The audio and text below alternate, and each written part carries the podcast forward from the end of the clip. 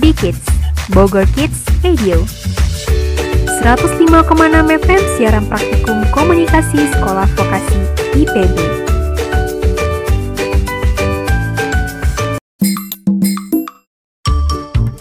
World of Kids Zonanya anak-anak.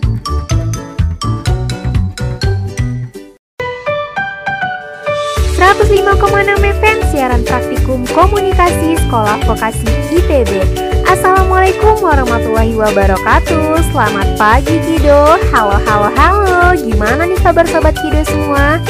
Semoga di mana pun kalian berada, kalian selalu dalam keadaan baik dan sehat ya Kido. Nah, gak bosan-bosan nih, Kayana kembali hadir nemenin sobat Kido dan tentunya menyapa sobat Kido semua nih di pagi yang cerah ini. Gimana lagi kalau bukan di Big Kids Radio? dalam program World of Kids. Zonanya anak-anak, siaran praktikum komunikasi sekolah vokasi IPB.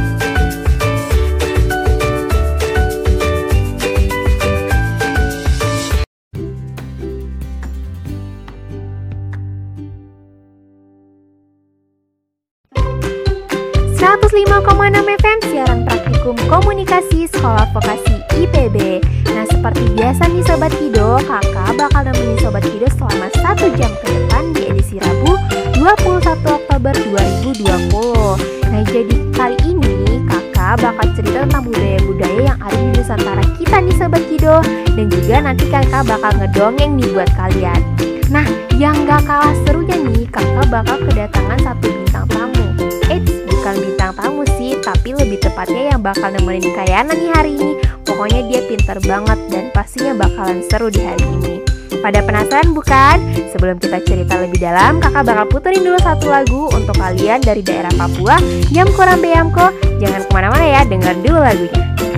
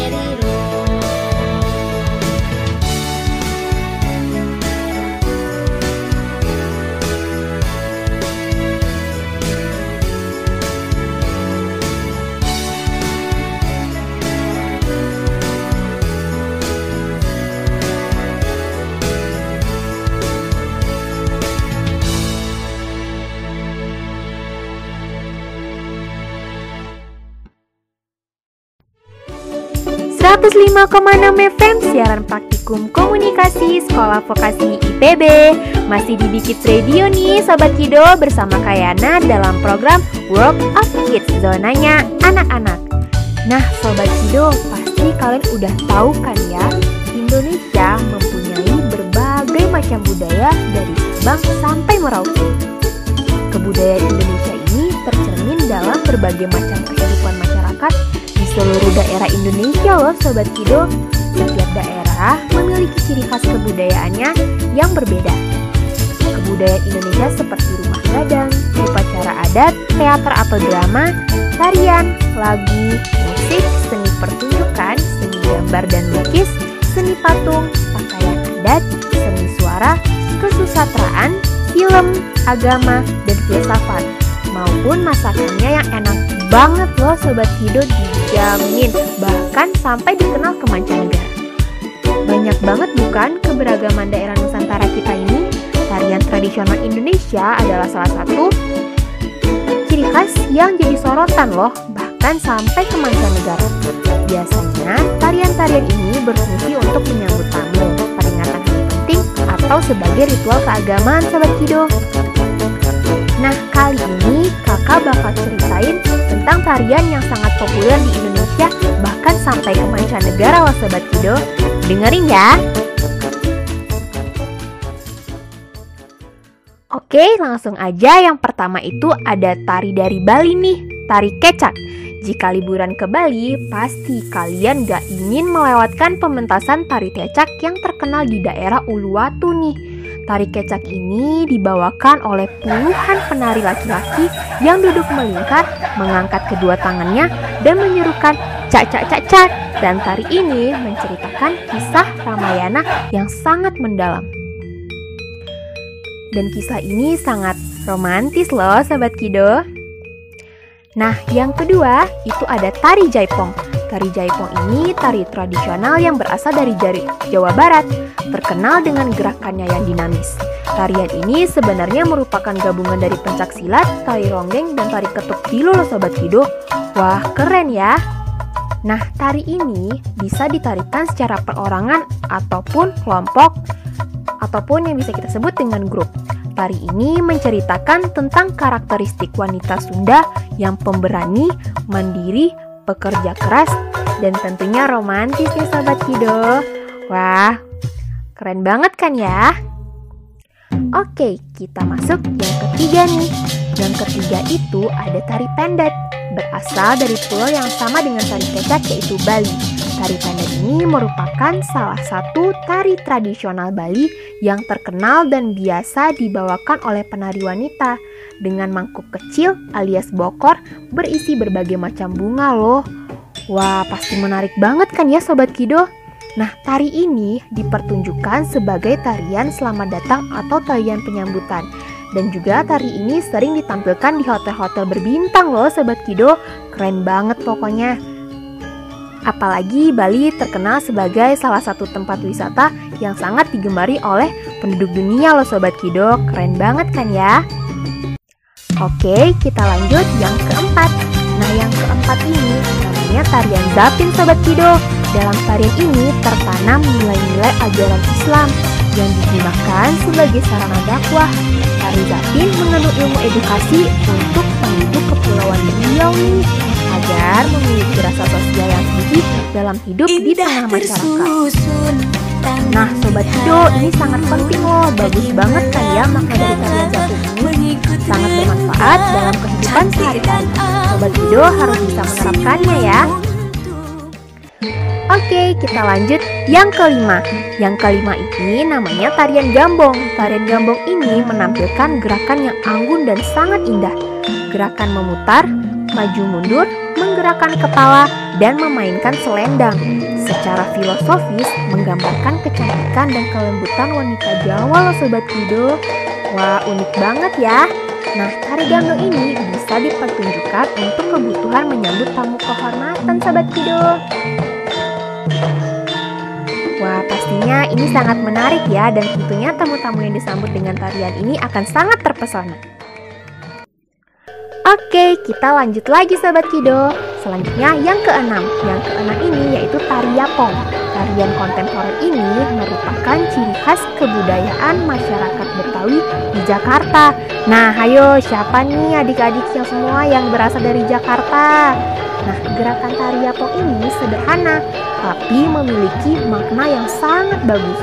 Beberapa gerakannya, tari ini memperlihatkan suasana yang gembira dan menyenangkan dalam menyambut kedatangan tamu kehormatan. Wah, seru banget ya kayaknya Sobat Kido. Oke oke, kita lanjut. Nah, yang ketujuh, yang ketujuh itu adalah tari teleng. Tari teleng ini berasal dari Kalimantan Timur loh Sobat Kido. Wah, siapa nih yang dari Kalimantan? Nah, tari leleng ini menceritakan tentang seorang gadis yang dikawinkan secara paksa oleh orang tuanya. Kemudian gadis tersebut memilih kabur dari rumah dan melarikan diri ke dalam hutan. Wah, gimana ya itu Sobat Kido? Terkandung banget nih makna kisah masyarakatnya. Ayo yang dari Kalimantan tahu nggak tentang cerita ini?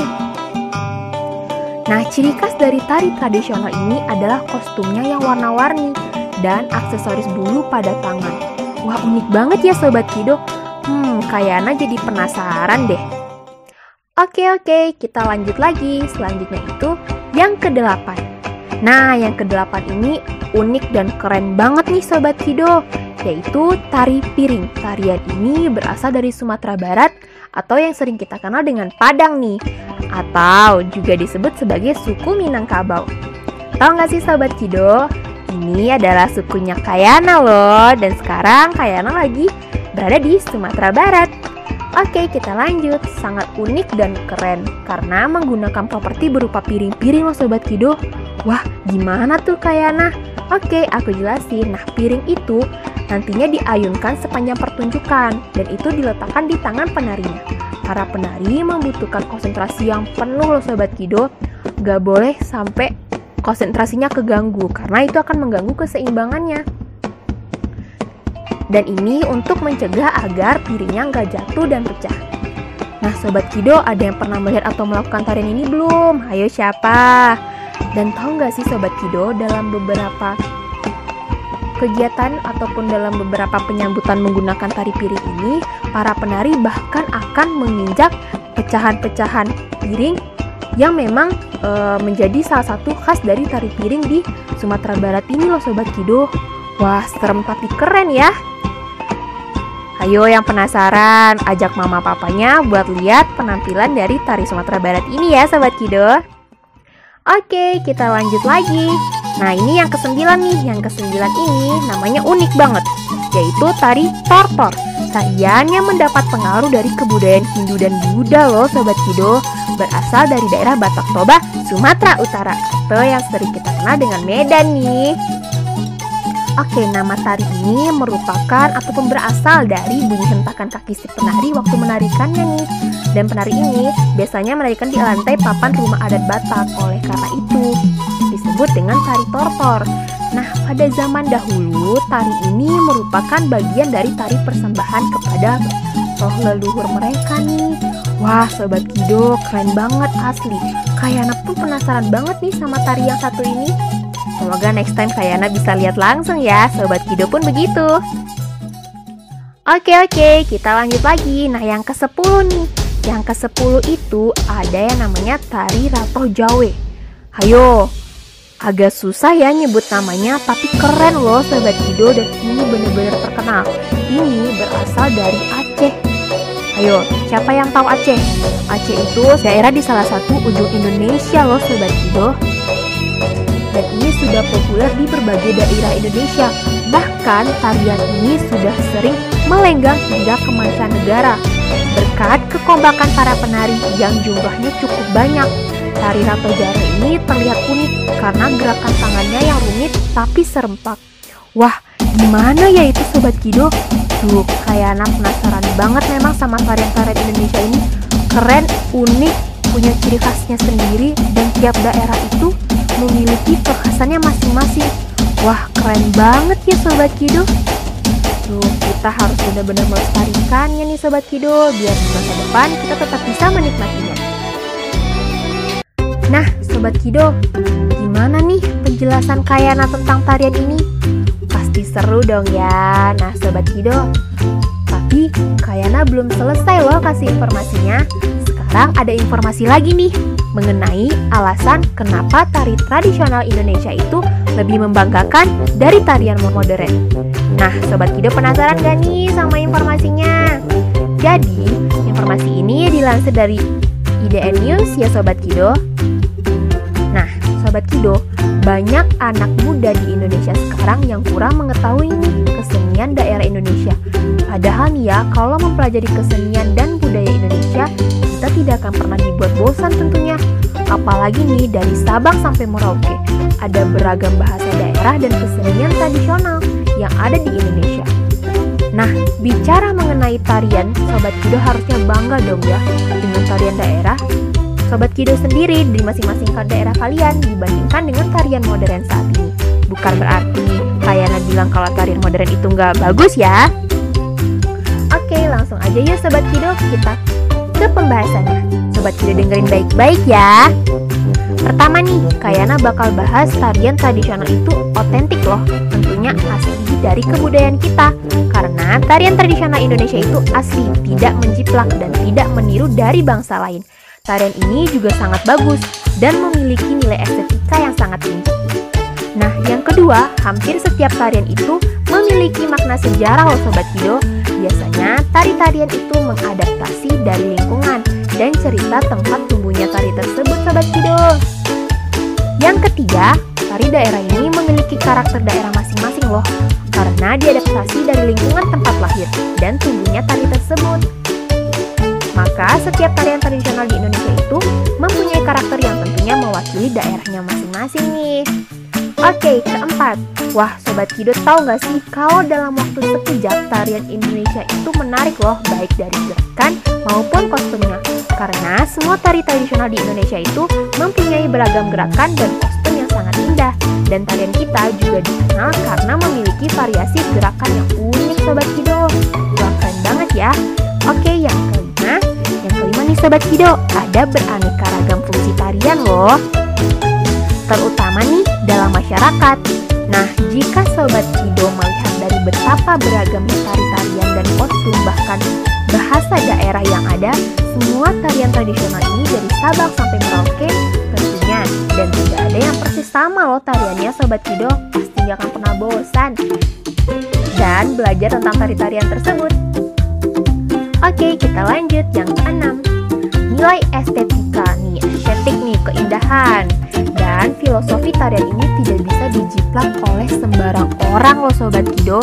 Jadi Sobat Kido jangan khawatir kalau ada bangsa lain yang meniru karena hal itu sangat tidak mungkin untuk terjadi. Jika terjadi pun pasti akan terasa ada yang berbeda dari yang aslinya. Tapi kebanyakan dari berbagai macam negara mulai mempelajari tarian-tarian khas Indonesia loh Sobat Kido. Selanjutnya, yang ketujuh. Ternyata ya Sobat Kido, tarian itu ada simbol dan makna loh di setiap gerakannya tentunya seperti tarian klasik Yogyakarta yang mempunyai gerakan seperti berdandan, berperang, menyisir rambut, dan masih banyak lagi. Kalau Sobat Kido pelajari lebih dalam lagi, tarian itu akan jadi lebih menarik dan tentunya semakin seru untuk dinikmati ya Sobat Kido. Oke, kita lanjut lagi. Yang kedelapan. Nah, yang kedelapan ini tarian Indonesia terdapat filosofi yang tinggi loh Sobat Kido. Filosofi gimana nih Kayana? Nah, jadi ternyata selain mempunyai nilai estetika yang tinggi dan memiliki makna yang dalam, tari-tarian tradisional ini memiliki filosofi yang tinggi karena cerita dari tarian banyak mengandung nilai-nilai kehidupan dan juga nilai-nilai moral nih Sobat Kido. Wah keren banget ya, seperti yang sebelumnya Kayana sampaikan bahwa dari masing-masing tarian itu melambangkan seperti kecantikan wanita, keanggunan wanita, ataupun cerita dari uh, daerah itu sendiri. Wah keren banget ya Sobat. Oke, yang terakhir yaitu tarian Indonesia ini tentunya nggak ketinggalan ya Sobat Kido. Banyak tarian tradisional yang sudah dikolaborasikan dengan tarian modern, tapi tentu lebih banyak tarian tradisionalnya ya, atau sering kita dengar sekarang itu sebagai tarian kontemporer. Nah, ayo Sobat Kido, kalian lebih tertarik yang mana nih? Tapi jangan lupa ya, kita harus tetap melestarikan kebudayaan Indonesia, termasuk tarian, bahasa, dan keberagaman lainnya nih Sobat Kido. Oke Sobat Kido, sebagai anak Indonesia sangatlah baik untuk Sobat Kido bisa ikut berkontribusi terhadap kesenian dan kebudayaan Indonesia dengan cara ayo junjung tinggi kesenian Indonesia. Gimana nih Sobat Kido? Ada yang sudah tahu atau pernah ikut tarian di atas? Yang kayak Ana sebutin tadi belum? Tarian Nusantara memang sangat bagus dan unik ya, apalagi mempunyai ciri khas yang dapat menarik orang untuk melihat pertunjukan juga. Wah, seneng banget ya, kita sebagai warga negara Indonesia keberagaman budaya yang unik dan indah. Oke Sobat Kido, jangan pernah lupain dan selalu lestarikan kebudayaan tarian Nusantara ya, karena kalau bukan kita, siapa lagi? Selanjutnya, kakak bakal puterin lagu dengan judul Aku Bangga Jadi Anak Indonesia.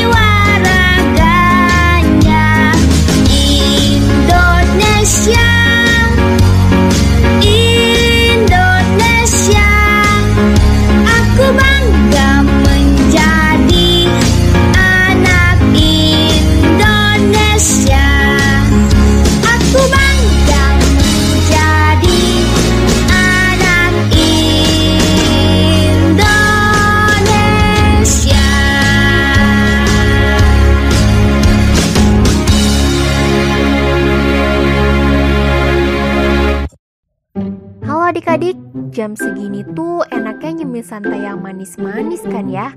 Apalagi kalau harganya murah dan rasanya tetap enak. Hmm, Eits, gak perlu khawatir, ada banget nih biskuit Cimamat. Biskuit manis dengan harga murah dan rasa yang sangat enak. Coklatnya pun lumer di mulut. Cimamat biskuit enak, harga pas di kantong. Hmm, nagih rasanya. Sudah tersedia di toko sekitar rumah adik-adik semua loh. Cimamat, cemilan cermat untuk semua.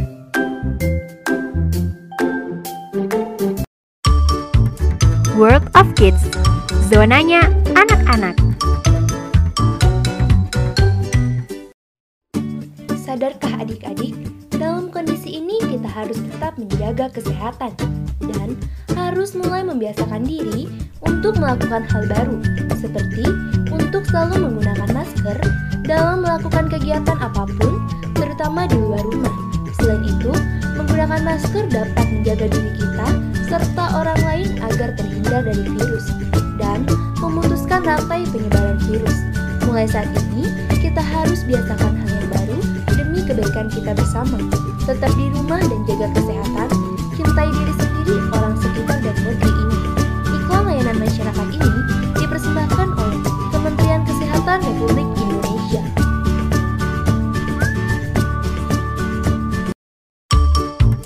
World of Kids Zonanya anak-anak.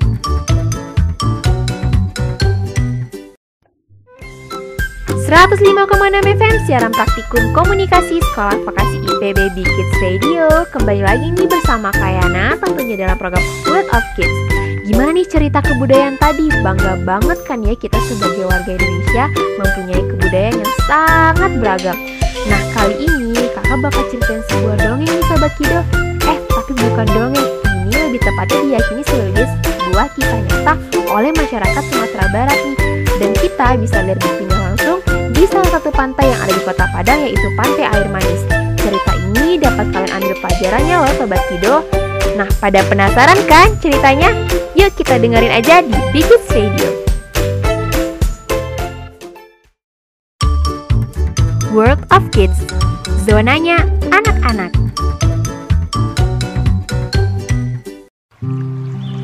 Cerita rakyat ini sangat terkenal dari daerah Sumatera Barat Tentunya Sobat Kido tahu kan ya dengan cerita si Malin Kundang seorang anak yang durhaka yang malu mengakui ibunya karena ibunya miskin sehingga ia disumpahi oleh ibunya menjadi batu. Konon cerita ini terjadi di perkampungan Pantai Air Manis, Kecamatan Padang Selatan, Kota Padang, Sumatera Barat. Pada zaman dahulu, hiduplah sebuah keluarga kecil dan miskin di perkampungan Pantai Air Manis, pesisir pantai Sumatera Barat. Untuk kehidupannya, sang ayah bekerja menjadi seorang nelayan. Keluarga tersebut memiliki seorang anak laki-laki yang bernama Malin Kundang, sedangkan ibunya bernama Mande Rubaya. Setelah sekian lama hidup dalam kemiskinan, sang ayah memutuskan untuk merantau ke negeri seberang dengan berharap mendapat kehidupan yang lebih baik bagi keluarganya. Nah, sepeninggal sang suami merantau, Malin Kundang Rubaya mengambil alih peran mencari nafkah. Ia sehari-hari bekerja menangkap ikan di pantai atau berkeliling kampung berjualan kue. Sementara itu, sang ayah yang telah lama merantau untuk mencari kehidupan lebih baik bagi keluarganya, namun belum juga kembali. Rubaya dan Malin selalu menunggu kepulangan sang ayah tercinta. Namun, setelah satu tahun tidak ada kabar beritanya. Hal itu membuat Rubaya dan Malin menjadi sedih pada suatu ketika, Malin bertanya kepada ibunya, "Di manakah ayah sekarang, Bundo? Kenapa belum juga pulang?" Mandiri Baya menjawab, "Ayahmu tengah merantau, Malin, mencari nafkah untuk kehidupan kita. Bersabarlah, Nak." Meski dibesarkan tanpa kehadiran sang ayah, Malin tetap tumbuh menjadi anak cerdas dan mudah bergaul dengan siapa saja, walaupun sedikit nakal. Seperti ia sering mengejar-ngejar ayam dan memukulnya dengan sapu. Pada suatu hari, kaki Malin terantuk oleh batu sehingga terjatuh ketika ia tengah mengajar seekor ayam sambil memegang sapu. Akibatnya lengan kanan Malin terluka dan luka tersebut berbekas dan tidak bisa hilang. Pada suatu hari, kehidupan yang miskin membuat Malin Kundang ingin merantau juga. Ia berpikir jika ia berhasil dalam kehidupannya di rantau, ia dan ibunya tak perlu lagi hidup dalam kemiskinan. Tidak perlu lagi berkeliling kampung untuk berjualan kue. Malin Kundang kemudian meminta izin kepada ibunya untuk pergi merantau. Bundo, Malin tidak tega melihat Bundo setiap hari berjualan kue keliling kampung. Malin ingin membantu meringankan beban Bundo. Malin ingin merantau Bundo. Jika telah berhasil, Bundo tidak perlu lagi hidup dalam kemiskinan. Izinkan anakmu ini untuk pergi merantau ya, untuk mencari penghidupan yang lebih baik, kata Malin kepada ibunya. Nak, Bundo mengerti keinginanmu untuk meringankan beban Bundo. Tapi Bundo khawatir engkau akan seperti ayahmu. Telah lama ayahmu pergi merantau tetapi hingga kini belum juga kembali. Jawab ibu Malin Kundang yang sedikit sedih. Tetapi sampai kapan kita akan hidup miskin seperti ini Bundo? Malin ingin berhasil, Malin ingin menjadi orang sukses. Malin berjanji jika telah berhasil nanti, Malin akan pulang kembali Bundo. Jika Malin tidak merantau, maka kehidupan kita akan tetap seperti ini. Ucap Malin kembali memohon kepada ibunya. Mendengar keinginan anak kesayangannya, Mandirubaya tak kuasa untuk menolaknya, walaupun sebenarnya ia tidak setuju. Dia khawatir anaknya akan hilang di perantauan dan tidak kembali seperti terjadi pada suaminya ayah Malin. Baiklah anakku, jika itu memang keinginanmu, Bundo tidak bisa menolaknya. Bundo akan selalu mendoakan Muna agar cita-citamu selalu tercapai. Dan berjanjilah Malin, jika engkau telah berhasil di perantauan, kembalilah pulang. Jangan sekali-kali lupakan Bundo. Malin kembali menjawab, Tidak Bundo, Malin tidak akan pernah melupakan Bundo tercinta. Justru Malin ingin merantau agar bisa berhasil. Malin ingin Bundo bisa hidup bahagia. Nah, menurut Sobat Kido, Malin bisa tidak ya untuk pergi merantau? Apakah ada kapal untuk Malin berlabuh? Jadi Sobat Kido jangan ke mana-mana dulu ya. Kayana bakal puterin lagu dulu nih. Tetap di Pikits Radio di 105,6 FM siaran praktikum komunikasi sekolah vokasi IPB. Ini dia lagu Ayah Ibu dari Syakwana.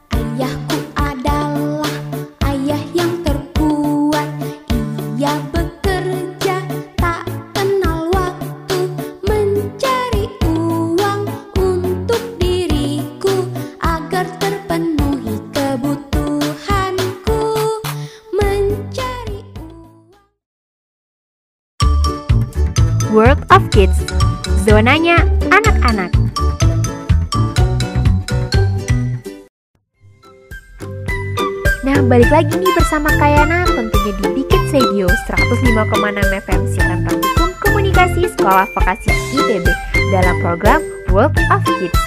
Nah, yang penasaran tadi, Kayana lanjutin lagi ya Sobat Kido ceritanya. Malin akhirnya merasa senang Sobat Kido karena ibunya mengizinkan dirinya untuk merantau. Sejak saat itu, setiap hari Malin pergi ke pantai air manis berharap ada kapal berlabuh. Ia telah bertekad kuat untuk pergi merantau demi penghidupan yang lebih baik. Suatu hari, sebuah kapal dagang berlabuh di pantai air manis. Betapa gembiranya hati Malin Kundang ketika melihat ada kapal dagang di tengah berlabuh di pantai air manis. Ia kemudian meminta izin kepada nakoda kapal untuk menumpang kapal tersebut. Wahai nakoda kapal yang mulia, izinkan hamba untuk menumpang kapal ini. Hamba sangat ingin merantau agar bisa membahagiakan ibu hamba, kata Malin.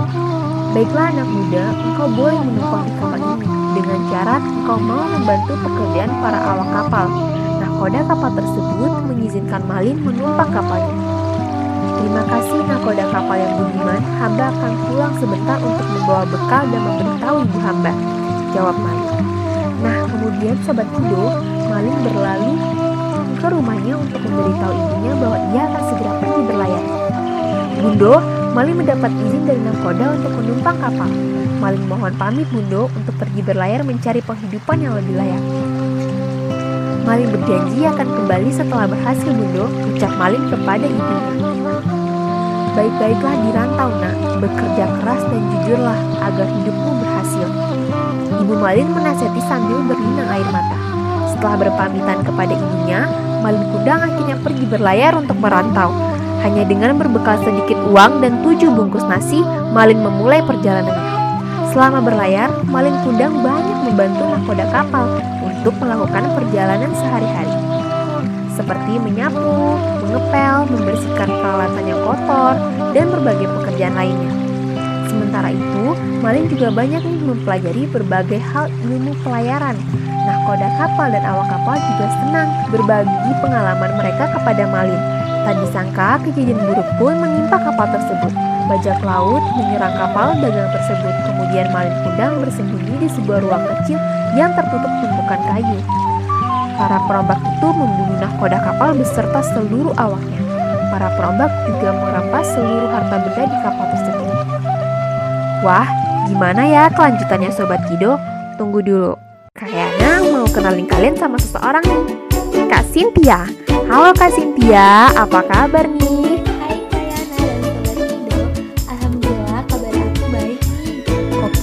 Selanjutnya dongengnya bakal dilanjutin sama Kak Cynthia ya Sobat Kido. Selamat mendengarkan. Halo Kayana dan Sobat Kodi. Kita lanjut ya dongengnya.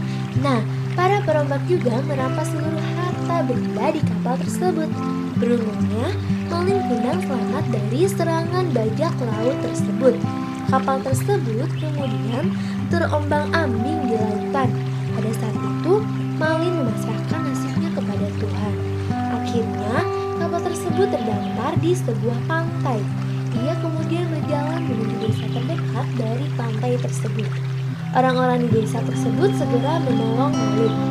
Ia sangat bersyukur karena orang-orang di desa mau menolongnya. Setelah ada sehat, Malin menceritakan perihal dirinya yang menumpang kapal untuk pergi merantau.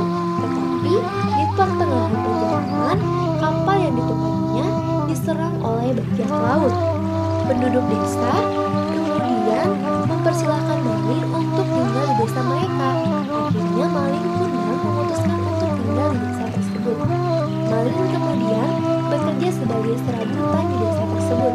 Ternyata desa tersebut memiliki alam yang sangat subur. Ia bekerja sangat Sebagian penghasilannya dari kerja serabutan, ia tabung. Ketika tabungannya sudah cukup banyak, ia lantas mencoba berdagang. Orang-orang senang bertransaksi jual beli dengan Malin karena kejujurannya dalam bekerja. Malin selalu teringat akan nasihat ibunya yang memintanya untuk bersikap jujur dan bekerja keras.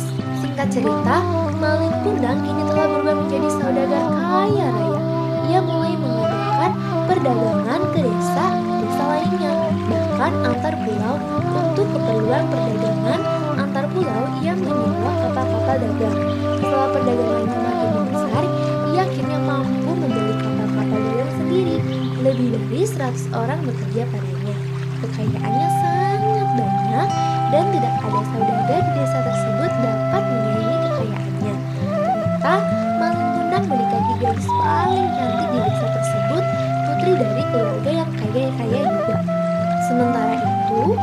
perkampungan air manis, Mande Rubaya, ibunda Maling Kundang terus menunggu kedatangan anaknya. Ia sangat khawatir jika anaknya bernasib sama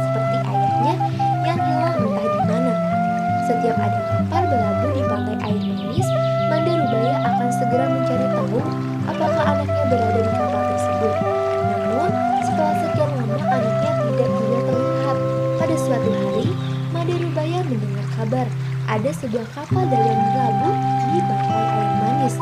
Ia segera berlari ke pelabuhan untuk mencari tahu apakah anaknya ada di kapal tersebut. Detak jantung Mande Rubaya yang cepat saat dari kejauhan. Ia melihat anaknya berdiri bersama seorang perempuan cantik di kapal dagang yang mewah tersebut. Ia benar-benar yakin bahwa orang itu adalah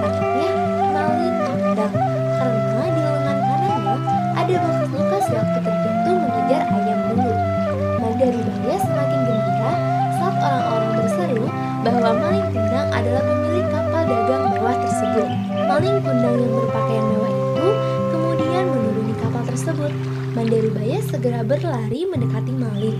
Tanpa basa-basi, ia langsung memeluk Malin anaknya dengan sangat erat. Malin anakku, kenapa lama sekali tak ada kabar darimu, nak? Bunda sangat khawatir. Bunda senang sekali akhirnya engkau pulang kembali dengan selamat. Malin melepaskan pelukan ibunya dan mendorong ibunya dengan kasar hingga terjatuh. Hai perempuan tua miskin, tidak tahu sopan santun, siapa engkau berani-beraninya memelukku? Ucap Malin kasar kepada ibunya. Malin Kundang sesungguhnya mengetahui bahwa perempuan tua miskin yang memeluknya itu adalah ibu kandungnya Manda Ribaya. Namun ia dihinggapi rasa malu yang luar biasa karena ibunya terlihat sangat miskin dengan berpakaian busuk. Ia malu kepada istri dan anak miskin. Malin, apa katamu? Engkau tak mengenal ibumu sendiri, nak? Aku Manda Ribaya, ibu kandungmu Malin. Bundo yakin engkau adalah Malin anak Bundo. Di tangan kananmu ada luka Malin. Manda Rubaya sangat terkejut dengan sikap anaknya itu. Kakanda, perhatikan dahulu baik-baik. Apakah ibu tua itu adalah ibu kandung Kakanda? Jangan mengusir secara kasar begitu.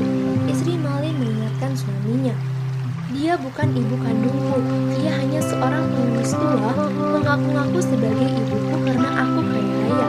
Ibu kandungku telah lama meninggal sewaktu aku masih kecil. Pergi engkau menjauh dari aku, pergilah jauh-jauh, teriak Malin seraya mendorong ibu kandungnya hingga jatuh terjerembab. Hati Manda Rubaya sangat sakit hati dengan perlakuan Malin, anak kandungnya tercinta. Ia segera pergi menjauh dari Malin Kundang, Rubaya mengangkat tangannya ke atas, kemudian berdoa, Ya Tuhan, sekiranya lelaki yang tidak mau mengakui hamba sebagai ibunya, dan mendorong hamba hingga jatuh adalah benar-benar anakku maling kundang, maka aku sumpahi ia berubah menjadi batu. Tidak lama kemudian, maling kembali ke kapal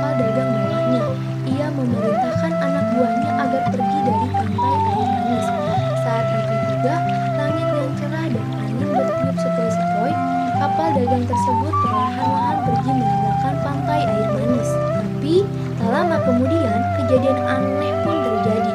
Angin badai datang tiba-tiba, lalu menghantam kapal dagang milik Malin. Begitu hebatnya badai dan besarnya ombak di lautan, kapal Malin hancur berkeping-keping seketika. Tubuh Malin Kundang terseret ombak, kemudian terdampar kembali di pantai air manis. Tidak lama kemudian, tubuhnya berubah menjadi batu dalam kondisi tengah bersujud meminta ampun kepada ibunya. Malin Kundang, anak durhaka yang malu mengakui ibu kandungnya, kini telah menerima azab berubah menjadi batu. Nah, itu dia tadi nih dongeng tentang Malin Kundang si anak durhaka Sobat Kido. Gimana nih Kak Cynthia? Apa sih pesan dalam dongeng tersebut?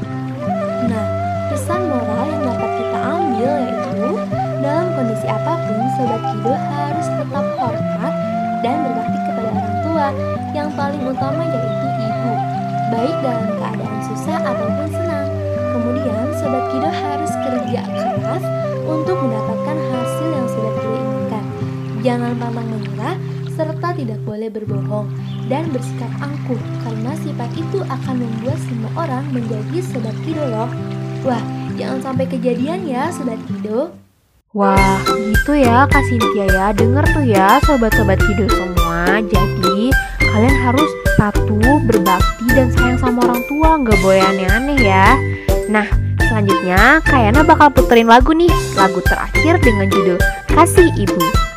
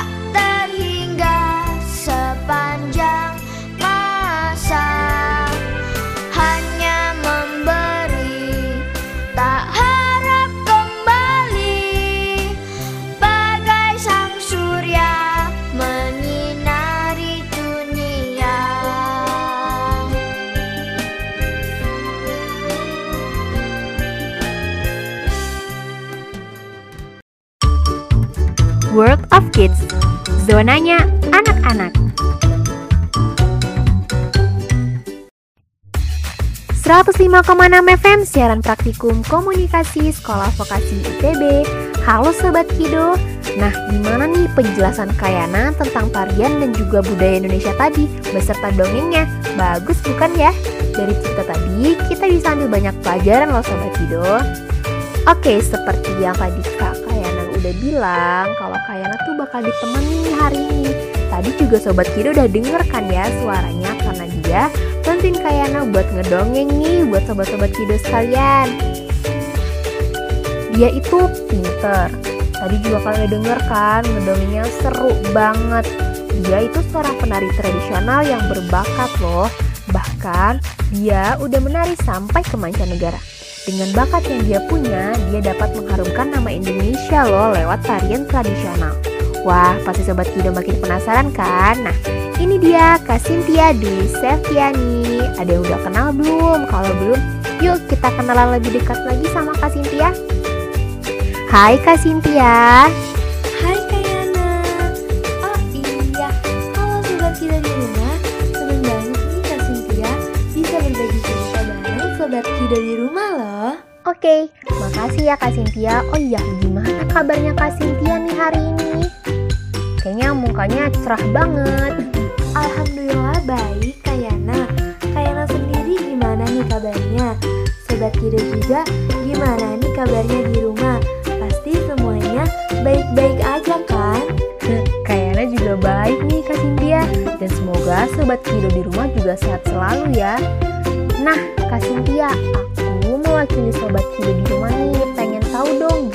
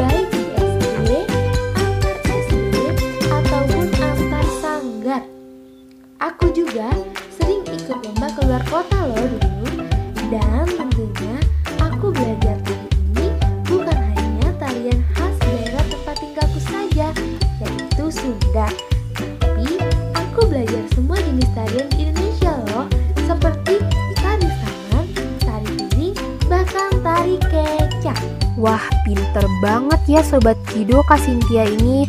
Luar biasa. Oh iya Kak, aku mau nanya dong prestasi apa aja sih yang udah kakak dapetin selama ini? Apalagi kan udah sampai ke mancanegara nih, mungkin bisa dikasih tahu nih. Biar Sobat Kido juga pada tahu.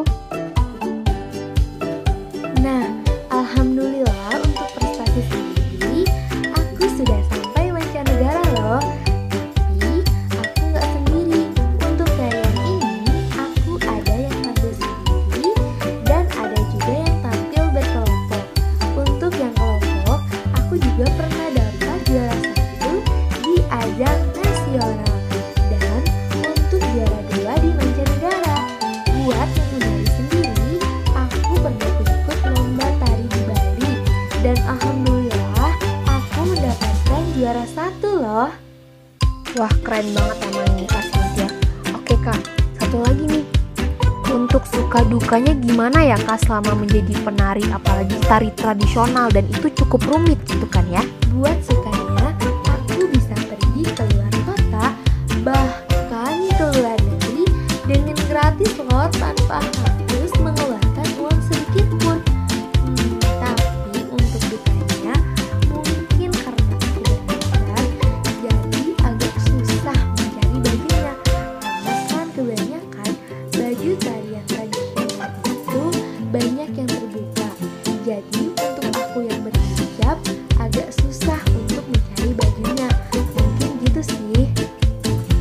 aku jadi tambah bangga banget nih sebagai warga negara Indonesia. Gak ada halangan buat capai yang kita inginkan juga ya Sobat Kido. Terima kasih banget nih buat Kak Cynthia udah berbagi ceritanya bersama Sobat Kido kali ini. Benar-benar menginspirasi kita nah untuk Sobat Kido semua yang di rumah. Yuk bisa, kita harus semangat, terus berprestasi dan juga bangga menjadi warga negara Indonesia dengan berbagai keberagaman dan juga keunikannya nih. Cerita yang dapat aku sampaikan untuk sahabat Kido di rumah. Nah, pokoknya semangat terus ya untuk sahabat Kido. Nah, gimana nih sahabat Kido? Ada yang mau jadi seperti Kak Cynthia nggak nih? Tentunya nggak ada halangan selagi kamu ingin menggapainya. Yang penting kamu selalu berusaha ya sahabat Kido. Semangat, jangan pantang menyerah. Kalaupun gagal, bangkit lagi. Kita sebagai generasi milenial dan juga generasi tetap semangat dan memajukan negara Indonesia ya. Oke Sobat Kido, kayaknya kita udah sampai di ujung acara nih. Semoga kalian semua tetap setia nonton Bukit Radio ya di 105,6 FM siaran komunikasi sekolah vokasi IPB tentunya.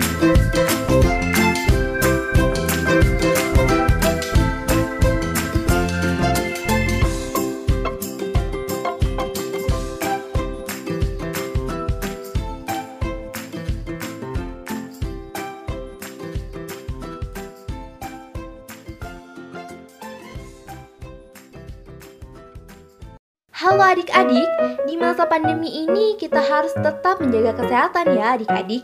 Bukan hanya minum atau makan makanan yang bergizi saja, tetapi kita juga harus tetap minum vitamin yang baik untuk menjaga daya tahan tubuh kita agar tetap sehat.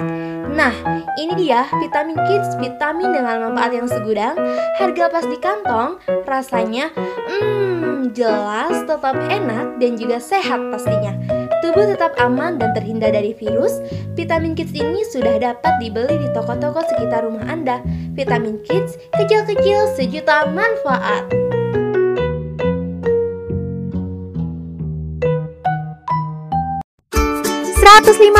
FM siaran praktikum komunikasi sekolah vokasi IPB.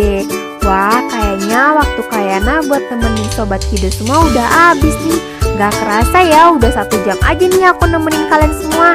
Saatnya Kayana dan Kak Cynthia untuk undur diri nih Sobat Kido. Terima kasih ya udah setia di Dikit Radio dalam program World of Kids Zonanya Anak-anak. Nah, just to remind you, minggu depan di waktu yang sama kakak bakal kembali hadir nih menemani Sobat Kido yang tentunya dengan informasi yang lebih menarik dan juga unik. Selamat siang dan selamat melanjutkan aktivitas Sobat Kido semuanya. Bye. Assalamualaikum warahmatullahi wabarakatuh.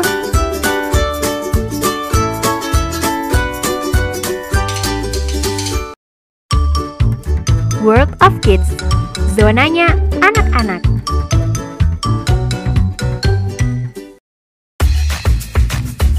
B-Kids Bogor Kids Radio 105,6 FM siaran praktikum komunikasi sekolah vokasi IPB